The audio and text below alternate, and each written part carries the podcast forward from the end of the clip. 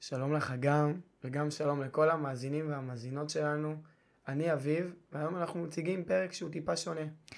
אז נכון מאוד, שלום לכולם. וכן, כמו שאביב כבר ציין, היום בפרק שלנו תתארח אורחת מיוחדת, ויטל זינגר. ויטל היא רקדנית פראלימפית.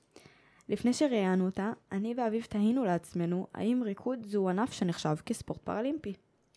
בריאיון איתה אנחנו נקבל תשובות לכמה שאלות מאוד חשובות שרצינו לדעת גם בשבילנו וגם בשבילכם המאזינים. מכיוון ולא יצא לנו לראיין בעבר מישהי מהענף הזה, או מהתחום הזה באופן כללי שהוא בעל מוגבלות. אז בלי יותר מדי הקדמות, פתיח, אנחנו מתחילים. מעבר לגבול, סדרת הסכתים הראשונה בישראל, שעוסקת כולה בספורט, ובספורטאים פראלימפיים, בעלי מוגבלויות, עם אגם לוי ואביב גביס.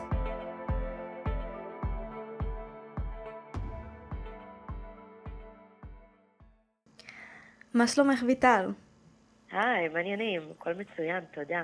אני בסדר, אני שמחה שאת uh, הסכמת uh, להתארח אצלנו, תודה רבה על ההזמנה. באהבה, ולספר לנו את הסיפור שלך. אז uh, קודם כל רציתי לדעת קצת על עצמך, קצת על הענף שאת uh, מתחרה בו. אז uh, אני ויטל זינגר. הענף שאני מתחרה בו זה ריקוד לטיני פראלימפי, ואני מדליסטית בענף הזה בנבחרת ישראל כבר 15 שנים. אני מתאמנת בבית הלוחם, תל אביב, בחסות ארגון נכי צה"ל. יש לי מאמנת מדהימה שהיא תותחית על על, ילנה פיטליכר, ואני uh, רוקדת עם בן זוג עומד uh, שקוראים לו שון זיו, כבר 13 שנים. איזה סגנון ריקוד את רוקדת? אני רוקדת סגנון אה, ריקוד שהוא אה, לטיני. סמבה, צ'אצ'ה, רומבה, פסדובלי, ג'ייב. לרוב מכירים את הסגנונות האלה מהתוכנית של רוקדים עם כוכבים.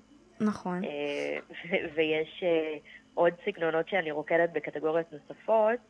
אה, אני מניחה שנדבר על זה בהמשך. אה, יש המון קטגוריות, אז אני רוקדת גם ואלס וטנגו. עכשיו, בחיים האישיים שלי, חוץ מהספורט, אז אה, אני גם אה, עורכת דין. ואני מנטורית ומאמנת מנטלית, יש לי קליניקה. ממש הופתעת אותנו עם העורכת דין. אחד הדברים שמפתחים כדי להספיק המון דברים זה היכולת לנהל את החיים ולנהל את הזמן בצורה מאוד מאוד מאוד טובה. אז אה, מספיקים את הכל, כשרוצים מספיקים.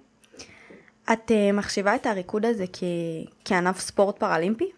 אה, אני מחשיבה אותו, ולא רק אני. הרי אה, מה זה ספורט תחרותי? ספורט תחרותי זה הרי פעילות ספורטיבית שמתחרים אחד בשני כדי להשיג מטרה מסוימת שקבעו מראש. עכשיו, יש מנצחים, יש מפסידים, יש שופטים, ולפי השיפוט שלהם בוחנים את המתחרים. אה, יש כללים מאוד מאוד ברורים, מאוד מדויקים, שהם חוקי הענף. אה, השופטים גם קובעים לפי מדדים אובייקטיביים, ויש להם גם שיקול דעת והתרשמות אישית. אה, וזה בדיוק מה שאנחנו עושים בריקוד הפראלימפי. זאת אומרת, רקדני על, ברמות שאנחנו מתחרים בהם, אליפויות אירופה, אליפויות עולם.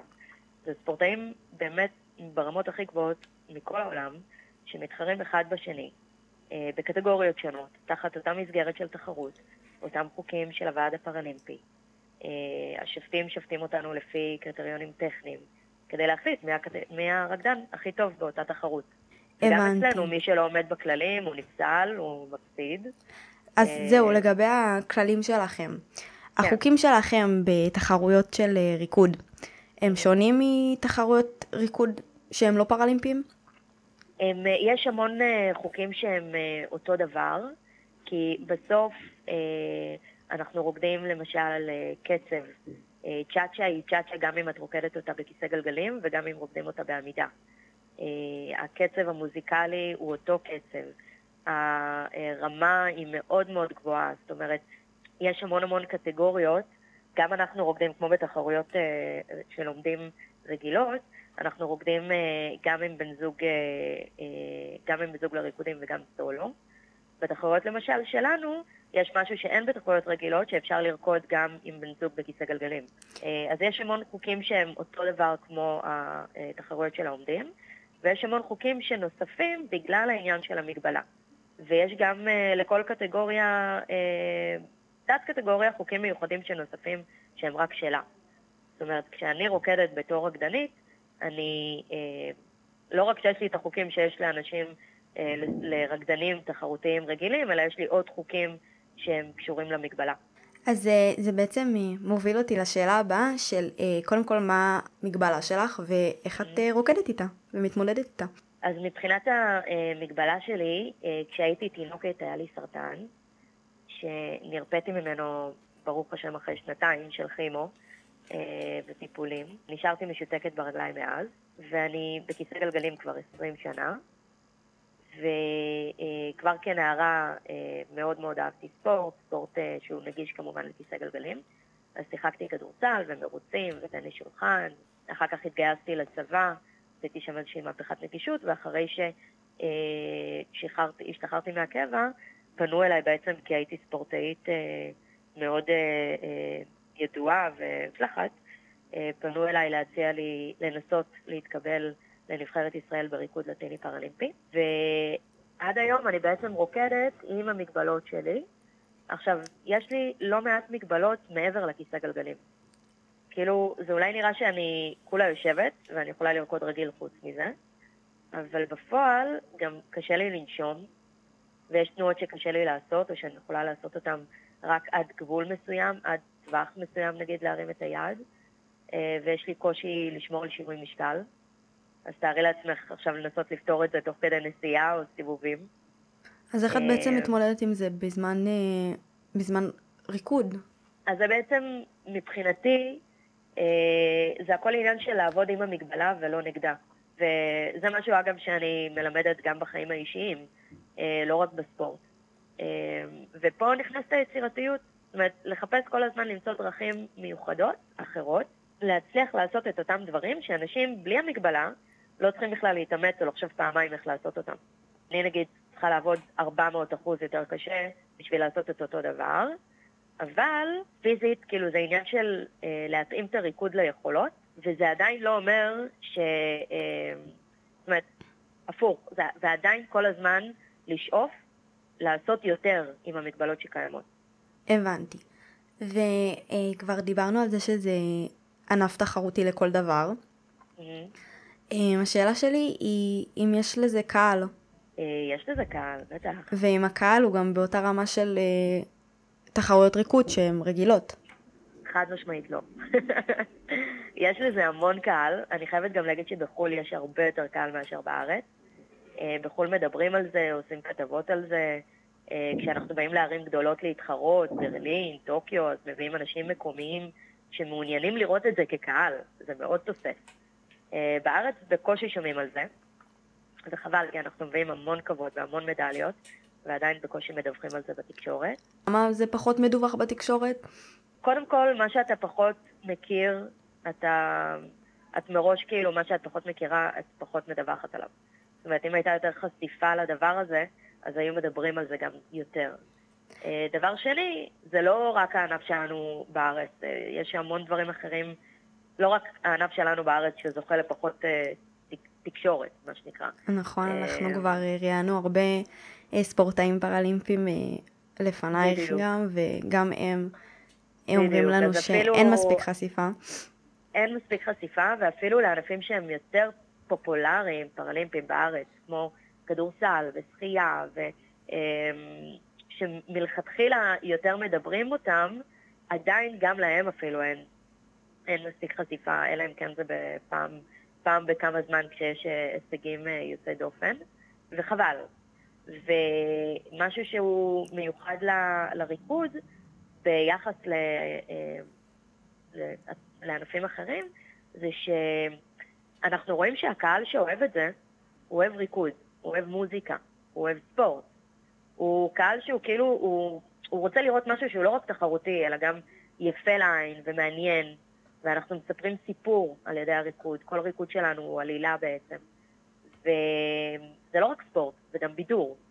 זה לא אומר שזה מילימטר פחות ספורט, אבל זה גם מבדר. והקהל מבין כמה קשה אנחנו עובדים כדי שבסוף, לא, זה ייראה ממש קל. אז, אה, אז יש לזה המון המון קהל, הלוואי ובארץ יהיה יותר. אתם אה, פועלים, אתם מנסים לעשות משהו בשביל שיהיה יותר קל וחשיפה בארץ? אתם פועלים למען זה? פעם שאנחנו, כל פעם שאנחנו חוזרים עם מדליות, אה, אז אנחנו מנסים כמה שיותר שידברו על זה.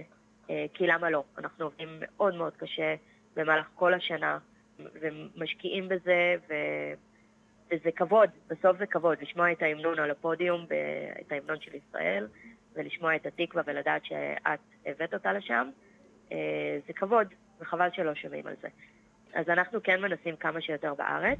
אני גם בכובע שלי כאקטיביסטית, ובגלל שאני מוכרת מאוד uh, תחומים, כמו דוגמנות וכמו משחק, uh, ומתראיינת להמון כתבות, אני תמיד תמיד מדברת uh, על, ה, על הריקוד, ואיפה שאפשר להופיע, למשל, הופענו uh, במכבייה, בטקס הנעילה, והמון אנשים uh, ראו אותי ופתאום uh, גילו מה זה uh, ספורט, uh, מה זה ריקוד תחרותי, מה זה ריקוד שהוא בכיסא גלגלים בכלל, uh, והופעתי לא מזמן במרתון תל אביב, וגם, שוב, עשרות אלפים אנשים שנחשפים לזה, עפים על זה. אז uh, ברגע שרואים את זה, uh, אנשים ממש מתלהבים. פשוט צריך uh, יותר במה לדבר הזה, זאת אומרת שיותר מפיקי אירועים ומפיקי כנסים ומפיקי uh, uh, פסטיגלים ואירועים עירוניים, שפשוט ייתנו לזה במה יותר, יזמינו אותנו לרקוד. טוב, אז תודה רבה לך, ויטל, על שהסכמת להתראיין אצלנו ולתת לנו עוד מודעות לענף הזה, כי אנחנו, לדוגמה, לא ידענו שספורט פראלימפי גם נחשב לריקוד.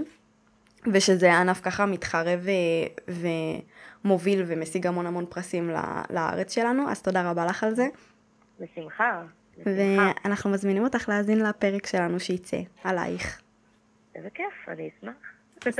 אז תודה רבה לך. אני מקווה שהמאזינים אה, יאהבו וגם יקבלו ככה מידע חדש, אה, ואני מזמינה את כל מי שישמע אותנו אה, להיכנס לאינטרנט ולחפש ואם רושמים ויטל זינגר, אז עולה המון המון מידע וסרטונים וכתבות, גם על בכלל דברים שאני מובילה לקידום שוויון זכויות והזדמנויות לאנשים עם מוגבלות ולקידום נגישות, וגם uh, אפשר לראות המון המון הופעות וסרטונים מתחרויות ומהופעות, uh, ובאמת להפיץ את זה ולדבר את זה הלאה, כדי שכמה שיותר אנשים ידעו על הענף שלנו. אז כן, גם אנחנו אה, מזמינים את כל המאזינים שלנו אה, גם לחקור ולהתעניין ולהסתקרן על הנושא ובכללי על כל הענפים הפראלימפיים שמגיע להם. נכון, נכון. אז תודה רבה לך, ויטל. תודה רבה לכם, איזה כיף, כיף גדול.